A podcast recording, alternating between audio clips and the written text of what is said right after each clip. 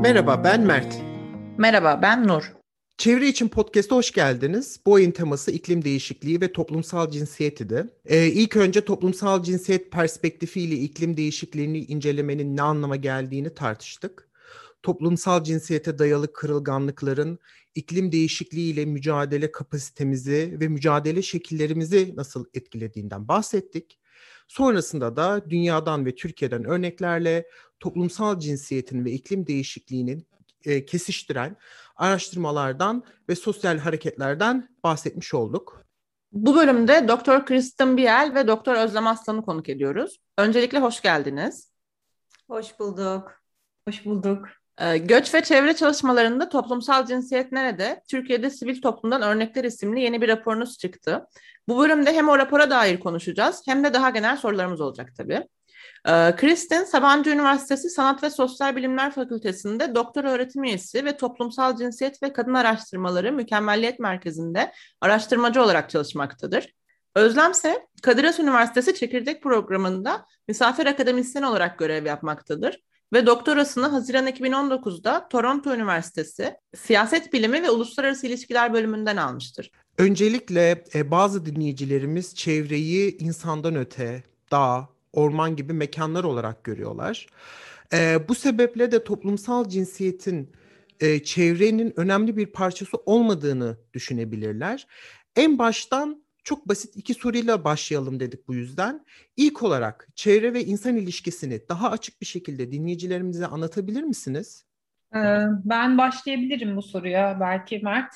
Söylediğin çok doğru aslında yaşadığımız kentsel yapılar da sanki birazcık e, buna neden oluyor. O kadar e, bir illüzyonun içerisinde yaşıyoruz ki özellikle de teknolojiye bağımlılığımız arttıkça sanki e, doğa dediğimiz şey, çevre dediğimiz şey bizim dışımızda, bizim ötemizde, başka bir yerde e, işte korunması gereken varlıklar e, gibi bir algı olabiliyor.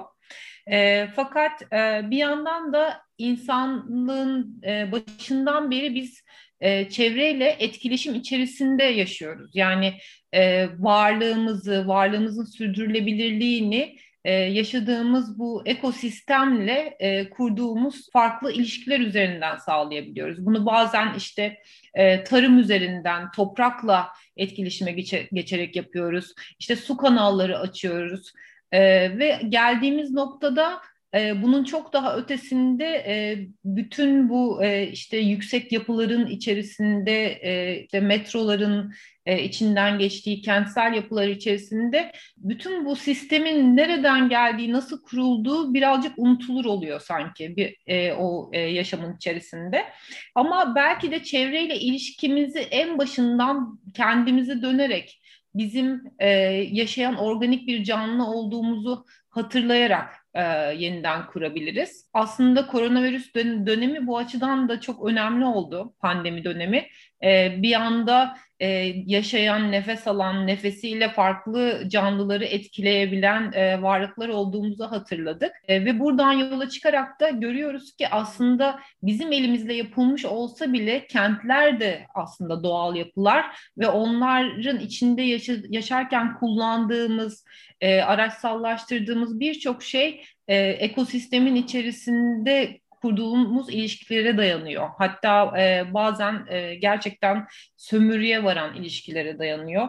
İşte e, duş alırken sıcak su bulabilmemiz, e, sabah kahvemizi içebilmemiz, işe ara, bir araçla gidebilmemiz, e, kullandığımız telefonun şarjının olması, bütün bunlar e, yaşadığımız çevrenin içerisinden bir şeyler alarak gerçekleşiyor. Ve bu noktada da aslında sorumluluk kavramı ortaya çıkıyor. Yani biz e, bütün bunları yaparken, bu yaşam standartlarını e, verili sayarken nasıl bir sorumluluk e, du- duymalıyız? Bu sorumlulukla ilgili ne yapmalıyız e, sorusu ortaya çıkıyor.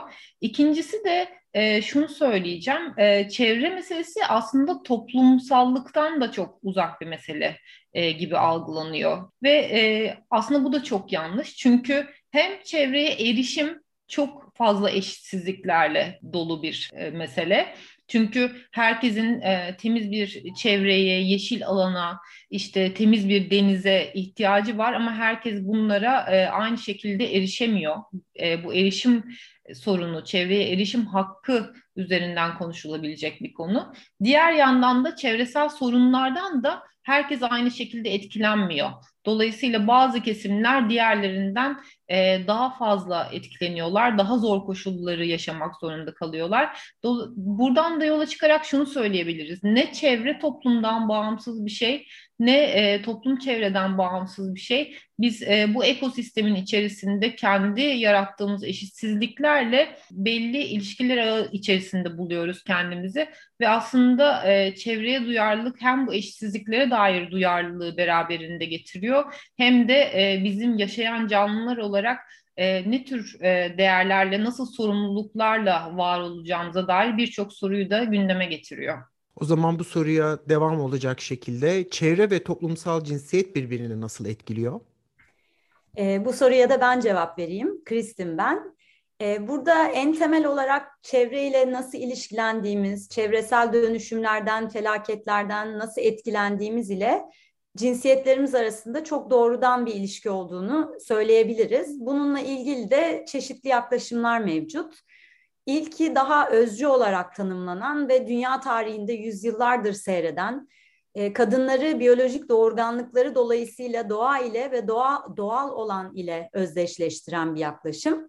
Örneğin İngilizce'de bu yüzden Mother Nature ya da Türkçe'de doğa ana kavramını e, sıklıkla duyarız. Bu yaklaşımda kadınların doğa tahribatı gibi çevresel unsurlara karşı daha hassas ve duyarlı olmaları biyolojik olarak doğaya daha yakın olmaları üzerinden e, anlatılır. Bir diğer bakış açısı ise e, konuyu toplumsal cinsiyet rolleri çerçevesinde ele alır. Yani kadınlar biyolojik doğaları gereği değil, tam da bunu bahane ederek onlara atanan roller dolayısıyla çevresel etkenlere karşı daha hassas ve duyarlıdırlar. Örneğin evin temizliğinden, çocukların sağlık ve bakımından kadınlar sorumlu tutuldukları için e, su ve hava kirliliği, yeşil alanlara erişememe, temiz ve güvenli gıdaya erişememe gibi sorunlar kadınlar tarafından daha yakıcı şekilde hissedilir ve daha yoğun emek göstermelerini gerektirir.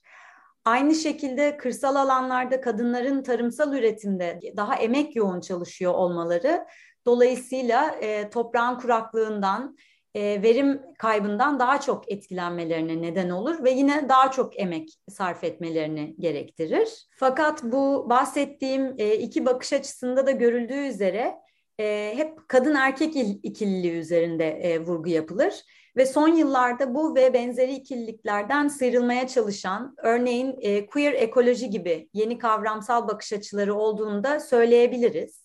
Yani sadece ikili cinsiyet üzerinden değil, mesela bir önceki soruda Özlem'in bahsettiği doğa ve insan, çevre ve toplum, doğal olan, yapay olan, canlı ve cansız, kent ve kırsal gibi ikililikleri de reddeden bir bakıştır ve bütün e, bu unsurların e, birbiriyle iç içe geçmiş şekilde e, gören bir bakış açısıdır bu.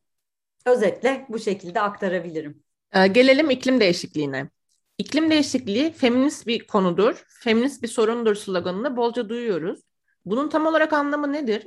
İklim değişikliği kadınları ve e, LGBTİ artıları nasıl etkiler? İklim değişikliği neden feminist bir sorudur? Aslında burada feminist merak e, bize ne gibi soruları sorduruyor?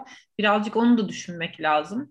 Temelde aslında işte cinsiyet eşitsizliğinin e, nedenleri nelerdir? Burada ne tür iktidar mekanizmaları e, çalışır e, ve bu eşitsizlikler nasıl yeniden üretilir gibi soruları e, sormamızı sağlayan araçlar sağlıyor e, feminist kuram ve pratik bize. İklim değişikliği bağlamında düşünüldüğünde ise çok yaşamsal bir mesele haliyle farklı kesimleri farklı şekillerde etkiliyor ve e, burada toplumsal cinsiyet nedeniyle toplum içerisinde eşitsizliklere maruz bırakılan kesimler ve bunlar e, gözle görünür bir şekilde kadınlar ve LGBT'ler tabii ki iklim değişikliğinin sonuçlarından da çok daha farklı etkileniyorlar. Hem de bu farklı etkilenme biçimlerinde karar alma mekanizmalarına ne yazık ki yeterince yansıtamıyorlar. Yani burada iki tane soru e, bizim için önemli oluyor. E, nasıl etkiliyor, kimleri etkiliyor ve e, kimler e, bu konu hakkında karar alma mekanizmalarında yer alıyorlar. Dolayısıyla feminist kuramın ve pratiğin bize vereceği araçlar bu sorgulamaları yapmamız için çok önemli. Ve iklim değişikliğine baktığımızda aslında doğal kaynaklara dayalı hayat e, süren kesimler, özellikle tarım işçileri çok etkilenecek gibi duruyor.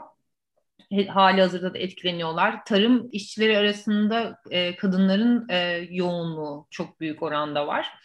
İklim değişikliği bağlamında ortaya çıkan afet ve krizlere yanıt üretme konusunda da e, olanakları olan kesimler e, genelde daha toplumda e, iktidar e, sahibi, zenginliklere kolay erişimi olan insanlar. Dolayısıyla bunlardan bahsederken de kadınlardan ve LGBT gruplardan bahsedemiyoruz yaşanılan toplumsal eşitsizlikler nedeniyle.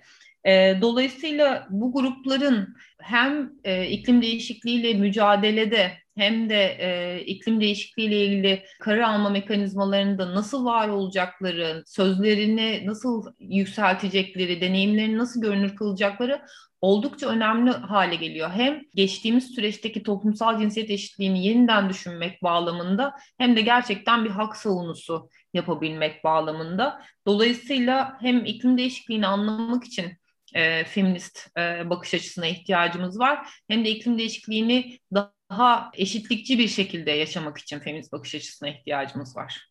E, peki toplumsal cinsiyet eşitliğini savunan sosyal hareketlerle çevre hareketi arasında nasıl bir etkileşim var? E, buna yine ben cevap vereceğim. E, uygunsa yalnız ben bu soruya cevap verirken aslında bizim rapor çalışmamızdan bahsetmek istiyorum sizin girişte de söylediğiniz. Çünkü bu raporda Türkiye'de sivil toplum örneğine bakarak tam da bu ilişkiselliği e, araştırmaya çalıştık. O yüzden e, uygun görürseniz raporla devam edeceğim ben. Ee, geçtiğimiz sene İsveç merkezli Raoul Wallenberg Enstitüsü'nden Türkiye'de uygulanan insan hakları araştırmaları HİBE programı çerçevesinde e, küçük bir araştırma fonu almıştım. E, araştırmanın konusu da göç ve çevre alanında çalışan sivil toplum kuruluşlarını e, toplumsal cinsiyet konularını çalışmalarına ne şekilde e, yer verdiklerini incelemekti. E, bu raporu da çok güzel bir ekip çalışması olarak gerçekleştirdik. E, Özlem e, çevre ayağında e, çok fazla destek oldu. Mert de e, göç ayağında. E, bununla beraber bizimle e, tek bizimle e, çalışan iki arkadaşımız daha vardı. E, biz bu raporda e, göç ve çevre alanında çalışan sivil toplum örgütleri toplumsal cinsiyet konusunda ne şekillerde yaklaşıyor, ne şekillerde ele alıyor? Hani bu soruya bakarken farklı açıları ele aldık. İlki e, biraz daha hani kavramsal olarak konuya nasıl yaklaşıyorlar bunu inceledik. E, burada da aslında az önceki soruya cevap vermiştim hani çevre ve toplumsal cinsiyet ilişkisi nedir? E, bahsettiğim işte bu özcü yaklaşımlar ya da daha toplumsal cinsiyet rolleri çerçevesinde gören yaklaşımlar ya da işte queer ekoloji çerçevesinde ikililiklerden öte bakan yaklaşımlar hani e, görüşmecilerimizde de e, bu farklı bakış açılarının e, olduğunu, e, farklı değerlendirmeler olduğunu gördük. Bu ilk bölümde biraz daha e, bunu e, değerlendirdik. E, diğer baktığımız bir konuda e, çevre ve toplumsal cinsiyet ilişkisini yaptıkları çalışmalarda e, nasıl ele aldıkları konusuydu. E, burada pek çok çevre örgütünün örneğin kadın katılımını arttırmaya yönelik özel yöntemler geliştirdiklerini, mesela işte yerel paydaşlarla yaptıkları toplantılarda kadın katılımını mecbur kılmak gibi ya da özel olarak e, kadınlara mesela çiftçi ve üretici kadınlara yönelik e, proje e, geliştirmek gibi de e, yöntemler izlediklerini gördük. E, fakat e, değin, sıklıkla değinilen bir konu da çevre alanında e, alınan fonların kısıtlı olması ve çevre söz konusu olduğunda işte fiziki ve coğrafi meselelerin ön plana atıldığını ve insan boyutunun dolayısıyla toplumsal cinsiyet boyutunun e, ikinci plana atılabildiğiydi. Burada da aslında o az önce bahsettiğimiz işte insan ve çevre ikililiği yaklaşımının gerek fon verici kuruluşlar gerek de hala bu alanda e, çalışan çevre örgütleri nezdinde e, baskın olduğunu e, görebiliyoruz. Üçüncü olarak baktığımız bir konuda bu örgütlerin kendi kuruluş yapılanmaları içerisinde toplumsal cinsiyet eşitliğini nasıl ele aldıkları konusuydu. E, burada öne çıkan konu da zaten e, bu alanda yani bu aslında hem göç hem çevre alanında ve Türkiye'de aslında sivil toplum alanında genel olarak kadın çalışanların ve gönüllülerin yoğunlukta oldukları bir alan olmasıydı. Aynı şekilde bu e, karar alma mekanizmalarında da e, yansıyan bir gerçeklikti. E, ve e, pek çok kuruluşta e, örneğin e, esnek çalışma koşulları sağladıklarını bildirdiler özellikle e, çalışan annelere yönelik. Ve burada önemli olan bir unsur bu kuruluşlarda kadınların yoğun olması nedeniyle toplumsal cinsiyet eşitliğinin hani bir nebze doğal olarak var olduğu e, algısıydı. E, o yüzden görüştüğümüz pek çok kuruluşta toplumsal cinsiyet eşitliği yazılı bir ilke veya politika olarak değil, daha çok e, sözlü mekanizmalarla işletiliyor. Burada tabii e, yine e, kadın yani toplumsal cinsiyet eşitliğinin daha çok kadın erkek ikililiği üzerinden e, tanımlandığını da e, görmüş oluyoruz. E, ilk soruna dönecek olursak ama yani bu hareketler arasında nasıl bir ilişki var diye sormuştun.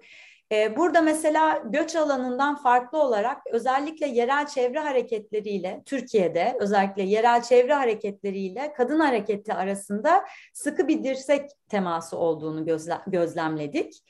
Ee, bizim konuştuğumuz kuruluşlar arasında çıkmadı ama son dönemde örneğin LGBT hareket ile vegan hareketi arasında da e, yeni etkileşimler olduğunu gözlemlediğimizi de e, söyleyebilirim.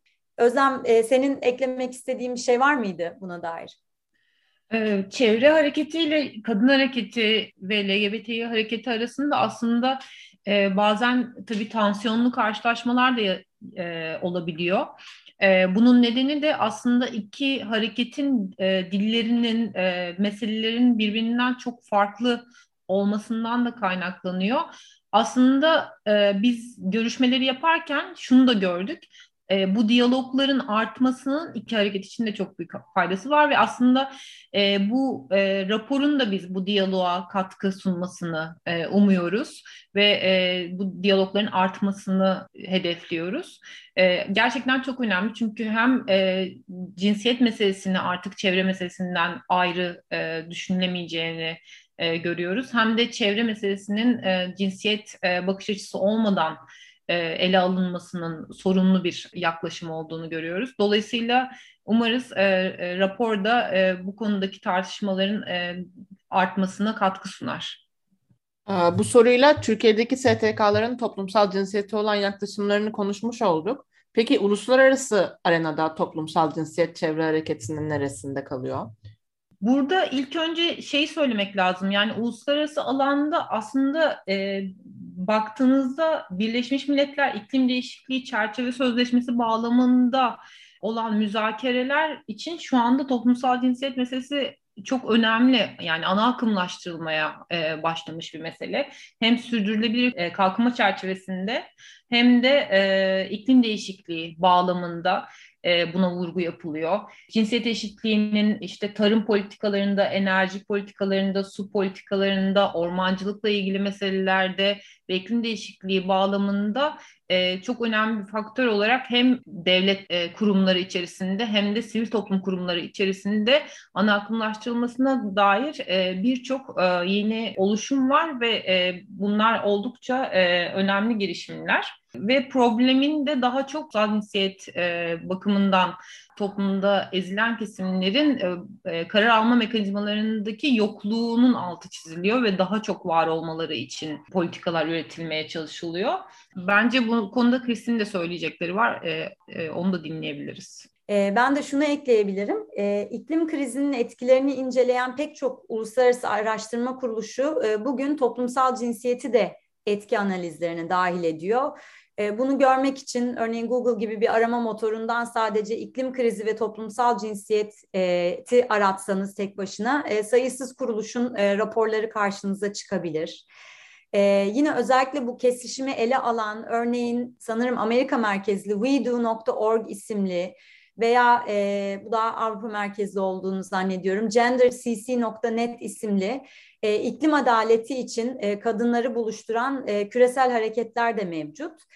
Az önce Özlem'in de söylediği gibi Birleşmiş Milletler'in iklim, iklim değişikliği zirve toplantılarında toplumsal cinsiyete dayalı eşitsizliklerin iklim krizi etki, iklim krizinin etkilerini nasıl şekillendirdiğine dair özel oturumların yapıldığını, özel komisyonların kurulduğunu ve hatta zirvelerin bu zirvelerde e, kadın katılımını ve temsilini arttırmaya yönelik girişimler olduğunu da görüyoruz. Burada ama son olarak şunu da söylemek isterim. Yine tabii gerek bu rapor çalışmalarında gerek bu bahsettiğim hareketlerde veya işte iklim zirvesindeki e, bu e, son zamanlarda yapılan e, işte toplantı ve komisyonlarda e, yine kadın erkek ikililiği üzerinden toplumsal cinsiyetin ağırlıklı çalışıldığını görüyoruz. E, burada LGBTİ artı hareketin etkisi ne düzeyde veya ne kadar etkili henüz bunu e, çok bilmiyorum açıkçası. Çok araştırdığım da bir konu olmadı. Umuyorum ki e, diğer araştır başka araştırmacılar da bizden sonra e, bu konuya e, daha çok değinirler e, diyebilirim. Eklemek istediğiniz bir şey var mı? Ben sadece teşekkür etmek isterim. E, çünkü bu rapor çalışması e, çok çok e, uzun bir süreçti, çok zorlu oldu, çok heyecan veriyor bize. Yani o yüzden e, bize böyle bu raporu da anlatma imkanı e, sunduğunuz için de çok teşekkür etmek istiyorum. Ben de çok teşekkür ederim. E, bu bizim için de ilk defa e, çalışmayı e, paylaştığımız bir mecra oldu. E, o yüzden bizim için de çok heyecan verici bir e, sohbet oldu. E, umarız bundan sonra da daha farklı şekillerde bir araya gelir ve üzerine daha çok konuşuruz. Böylece Kristin Biyer ve Özlem Aslan'ın değerli katkılarıyla bölümümüzün sonuna gelmiş olduk. Biz de bize vakit ayırdığınız için size çok teşekkür ederiz. Bir sonraki ayın teması iklim değişikliği ve göç olacak. Görüşmek üzere. Hoşçakalın.